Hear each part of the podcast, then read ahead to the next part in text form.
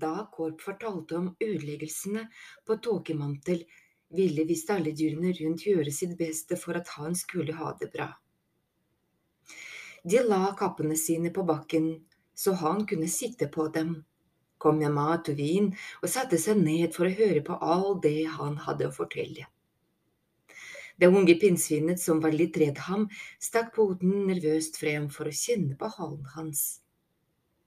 Da han fortalte om flodbølgen, var det flere av dyrene som nikket medfølende. Den flodbølgen rammet oss også, sa Demring, men det var ikke på langt nær så ille som på Tåkemantel. Øyet deres må ha tatt av for det verste. Det ble ikke så store skader her hos oss. Hvordan kan vi hjelpe dere? Skal vi prøve å sende mat? Vi kan sende et skip om vi bare kommer oss gjennom tåken. Dronning Clark må få vite om dette. Hva trenger dere?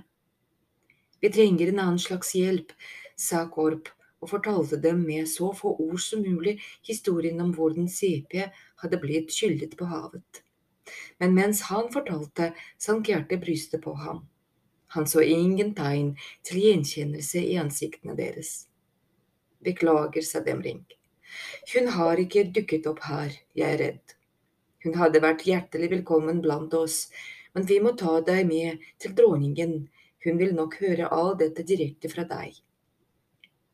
Jeg må fortsette å lete, begynte Korp, men han visste det ville være galskap å reise videre uten en god natts søvn, og han trengte proviant og frisk vann.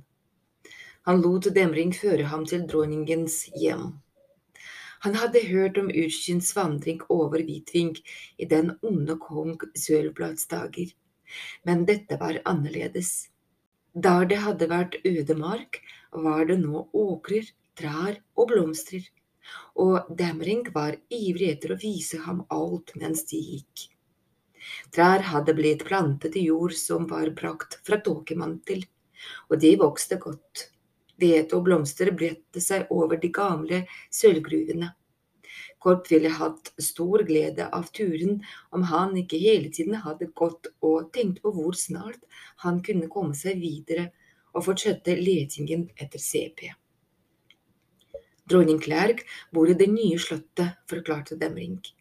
Hun har snakket om å gi det et nytt, forslått navn, men hun vil ikke si hva det er ennå. Det er akkurat bygget ferdig. Hennes Majestet insisterte på at resten av øya skulle gjennombygges før hun selv fikk et slott å bo i. Hun har tilbrakt mesteparten av sin regjeringstid i et overfylt hy som alle oss andre. Nå er vi der snart. Som du vil se, er Hennes Majestet svært glad i blomster. Det var ikke mange av dem på øyet i kong Sølvblads dager. Hvis det hadde vært mulig å dyrke tusenfrukt av rent sølv, ville han plante dem overalt, men han så aldri poenget med farger. Du kan se slottet herfra. Selve slottet var vanskelig å få øye på. Alt Korp kunne se, var kaskadene av blomster foran det. Da han kom nærmere, så han at bak hagen, som var anlagt i terrasser, strakte røttene fra et stort tre seg mot himmelen. Det falt ned under jordskjelvet, sa Demring. Slottet var bygget innimellom røttene. Den eneste veien inn var gjennom hagen, der et hundpinnsvin satt og lukta. Hun kikket opp, og et henrykt smil bredte seg over ansiktet hennes. En oter, utbrøt han. Fra tåkemantel? Deres Majestet, sa Demring og bukket. Dette er Korp av tåkemantel. Dronningen, tenkte Korp. Hun hadde tatt henne for å være en av gartnere. Han knelte men beina hans var så slitne og støle at det var vanskelig å komme seg opp igjen. Korp er ute i et viktig ærend, sa Demring. Han leter etter et savnet ekorn. Å, sa Lerk. Hun heter CP, Deres Majestet, sa Korp. CP? Dronningen gjorde store øyne, og hjertet til Korp gjorde et hopp av fornyet håp. CP av Sangen? Har De sett henne? spurte han. Å nei, svarte hun, jeg beklager, jeg har ikke sett henne siden ravnekrigen, men jeg husker henne godt. Fortell meg hva som har skjedd. Hun tok ham med seg inn i skyggen av trerøttene og fikk noen til å komme med en drink som var laget hovedsakelig av agurkurt. Den smakte fryktelig, men Korp følte seg straks bedre etter å ha brukt den. Da han hadde fortalt dronningen historien sin, ristet hun på hodet. CP er et helt spesielt ekorn, sa hun. Seder var svært glad i henne. For hennes skyld skulle jeg ønske hun hadde blitt kyllet opp på en av våre strender. Det kan fortsatt skje, jeg skal sette ut vakter i tilfelle hun dukker opp. Hvis vi får høre noe, skal jeg sende en svane til Tåkemantel, men hun er ikke her nå. Hittil hadde Korp bare følt seg støl og sliten. Nå følte han seg tung i hele kroppen. Han visste ikke hvor han skulle fortsette å lete, men han sa til seg selv at han måtte tenke. Hva nå? Hvis hun ikke er på Hvitving, tenkte han høyt, hvor skal jeg da dra? Ingen steder før du har fått igjen kreftene, sa hun bestemt. Du kan ikke hjelpe CP hvis du kollapser på sjøen.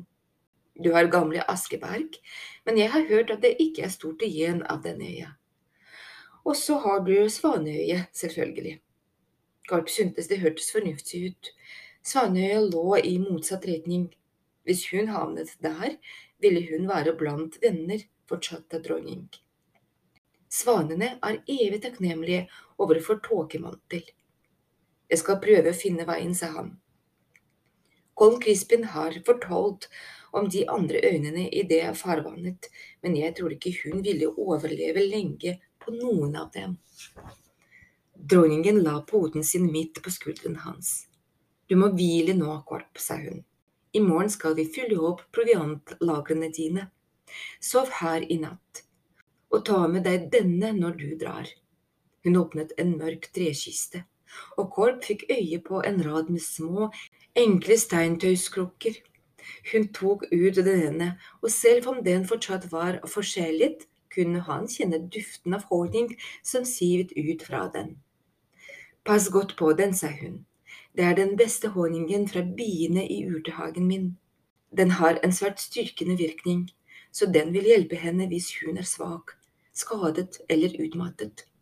Og deg også hvis du skulle trenge en ny styrke på reisen. Sov nå. Den natten sov han dypt og lenge for første gang siden flodbølgen.